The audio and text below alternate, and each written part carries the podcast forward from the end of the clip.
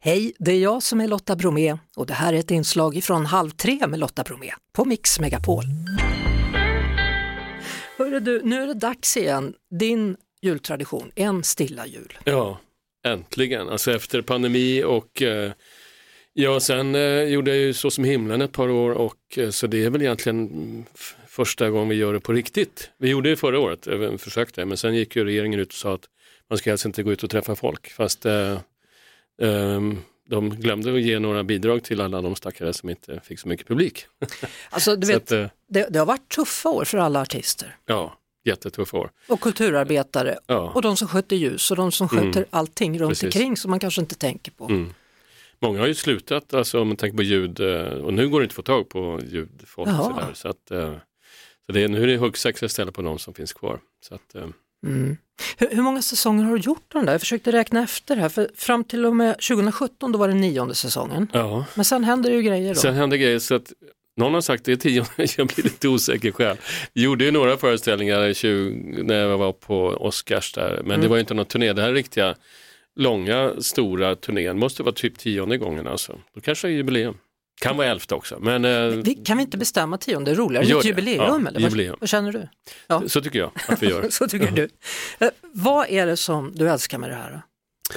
Det var ju så här att eh, jag var ju inbjuden och var på många sådana julshower som man är som artist, blir, eh, om man är sångare. Så blev man inbjuden att göra olika grejer. Och eh, då hade vi, och, alltså julshower har ju sin, sitt värde absolut. Men det blir ju gärna lite firmafest. Och eh, jag stod på eh, Globen, annexet i Globen och skulle sjunga Helga natt. Och, eh, eller sjöng Helga natt och mitt i den så kommer in en släde, fast på jul då förstås, men en gigantisk släde med, med en tomte. Och, eh, och en massa sprit. Och, och, och, och så hade han en sån här bjällra också så jag skrek, här var det sprit, här var det sprit, mitt i låten. Och det kändes sådär att, nej, jag vet inte om det är det här som är riktigt det jag eh, signade upp för. Liksom. Va, vad, händer, vad händer då när han kommer infarande? Fortsätter Ja, du som om ingenting? handla liksom. Ja. Och, och, eh, och jag måste ju, jag, jag jag var ju nära, och, och, men ingen hade liksom berättat det här för mig heller. Nej, nej. Och att det var den här typen av grej. Ehm, så jag kände, nej men jag vill nog göra någonting där folk istället kan komma in och mötas och ja, tänka vad julen betyder för en själv och, och, och familjen och, och gemenskap och sådär. Sen är det inget fel på firmafester, absolut, men det, var, det vill inte jag göra. Vem var det som var tomte då? Ingen aning. Nej. Eh, det, Det förtäljer inte det historien. var liksom bara så riktigt dålig med någon mask och, och sådär. Eh, vad betyder julen för dig? Som för väldigt många andra tror jag att det, det, till jul så blir det tradition. Vad har man för traditioner och varför har man det? Kanske för att komma tillbaka till sin barndom och, och minnas eh, människor och föräldrar och släktingar som inte finns hos en längre. Många man klingar fast, vad heter det, klamrar sig fast vid, vid kalanka eller, eller julskinkan eller sillen av någon anledning och det är att hitta någon slags trygghet tror jag och så tillbaks till ens rötter och sådär. Mm. Hur hade du det när du var liten och vad gjorde ni på? Ja, det var så superklassisk jul ute i Kungsängen där vi då hade landställe. Bodde ju i Gamla stan annars. Och så, var det så att eh, då, ja, som liten när pappa levde så åkte han iväg som alla andra papper och letade efter tomten. Mm.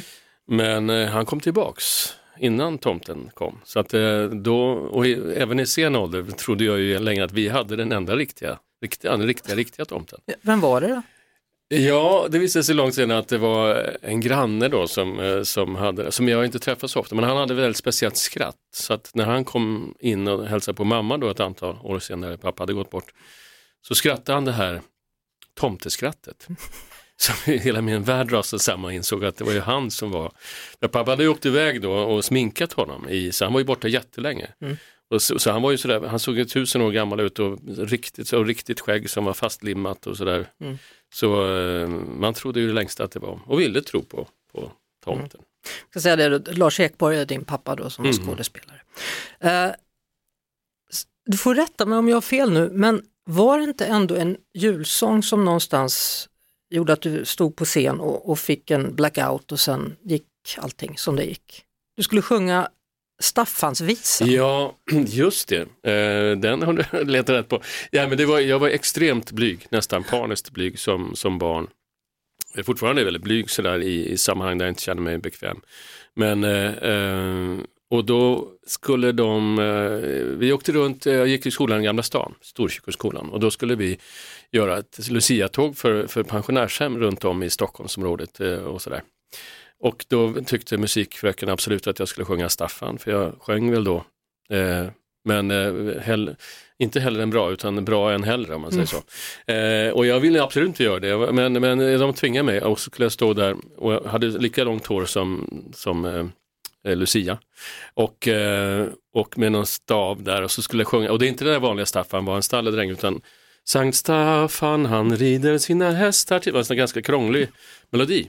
Mm. Eh, och eh, jag var så nervös och så rädd, eh, där var jag 11-12 år och, eh, och får en, inte text-blackout, jag kommer ihåg texten men inte melodin. Oj. Så där, de sitter och spelar och 200 pensionärer sitter med kaffekoppen i hand och bara och jag försökte sjunga Staffan han rider sina hästar medan hon som gjorde Lucia försökte viska eller sjunga melodin i örat på mig. Och det blev bara ännu krångligare så att jag var fullständigt livrädd och de stackars pensionärerna satt där. Och så efter när refrängen kom in, då kom jag på det, då, då hör man 200 pensionärer som bara åh, andades ut.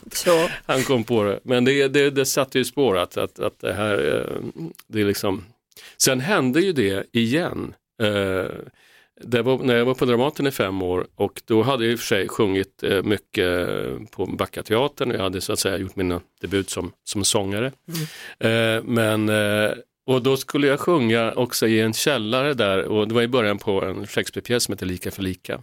Skulle sjunga väldigt eh, a cappella utan eh, ackompanjemang i källaren och det skulle komma upp genom då den här luckan i golvet.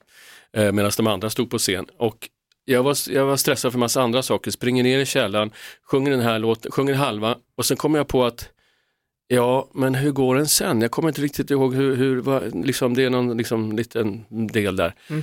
Så jag tänkte, nej men jag, det brukar, muskulärt brukar man komma ihåg, så jag chansar och så liksom, and I am gone. Nej, det var inte det. så att jag bara tystnade där och, och sen hörde jag av de som hade stått på scen att de liksom, mm, för jag skulle sjunga några, någon, några rader till. Så att, och jag blev eh, helt knäpp och springer upp i sminket där på Dramaten och säger så här, jag, jag, kom, jag kom missa melodin, jag förstår inte vad jag håller på med.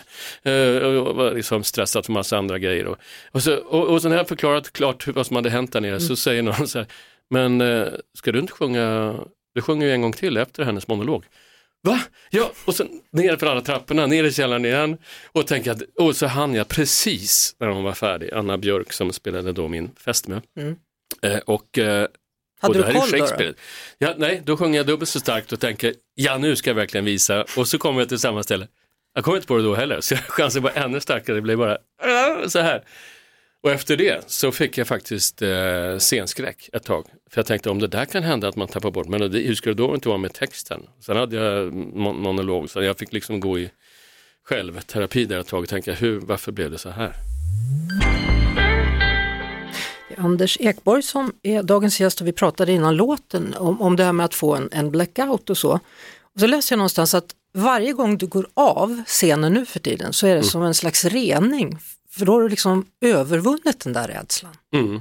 Så är det tror jag för väldigt många artister, att man liksom man skulle ge en miljon innan ibland för att liksom slippa gå upp för att det är så eh, nervöst och det är så alltså, skräckblandad förtjusning så att säga. Men det är som att hoppa fallskärm. Liksom.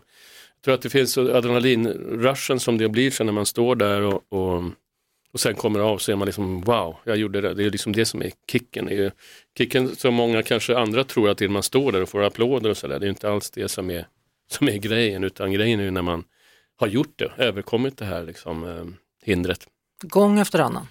Ja, sen är det ju skillnad, till exempel på min julturné, då har jag liksom sam eftersom jag styr det själv och, och, har samlat alla de älskade musiker som jag vill jobba med och få bestämma innehållet och göra som jag vill. Liksom. Då, det är fortfarande nervöst kring premiären kanske och så här, men sen när man väl börjar köra då är det ju ändå, faktiskt kan man njuta av det även på, på plats och det, det är väldigt, väldigt tillfredsställande.